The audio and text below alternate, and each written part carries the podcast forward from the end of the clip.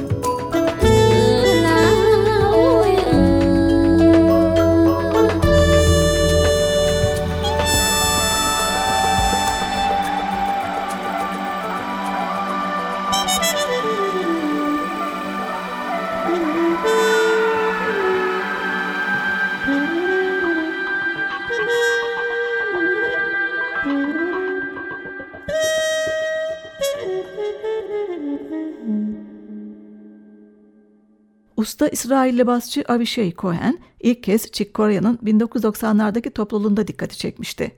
1997 yılında çıkardığı ilk albümünü de destekleyen ve prodüktörlüğünü yapan da yine Korea.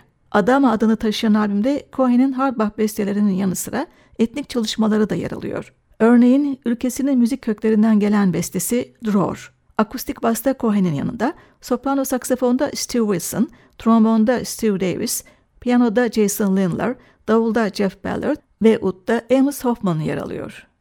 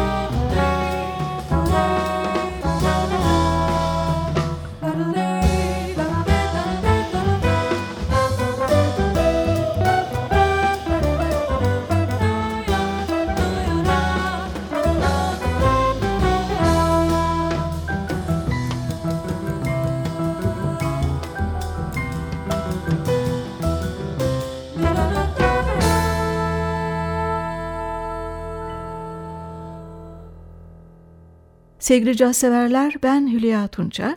Caz tutkusunda beraberliğimiz yine modern etnik caz yorumlarıyla devam ediyor.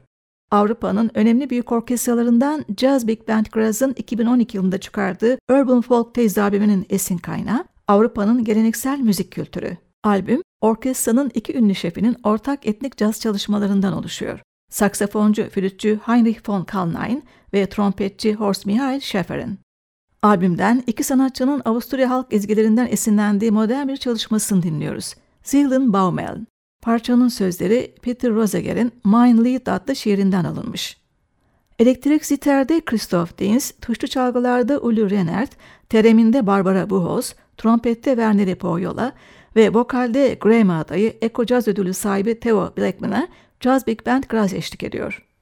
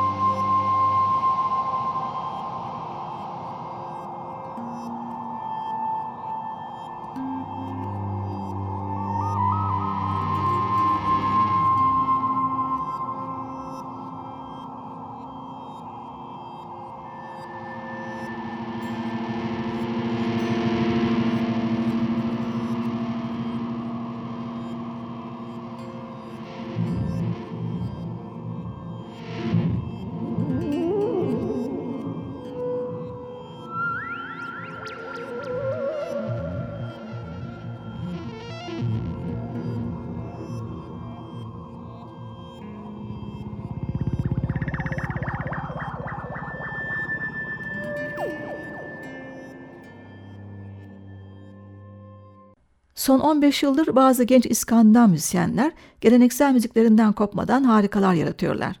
Bunlardan biri de Norveçli saksafoncu ve flütçü Geir Lüzne.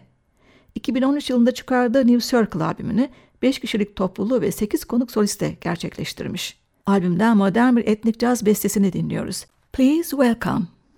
Geir Lüzne parçada tenor saksafon ve küçük Kuzey Afrika çalgısı kalimba çalıyor. Trombon soloda Helge Sunde.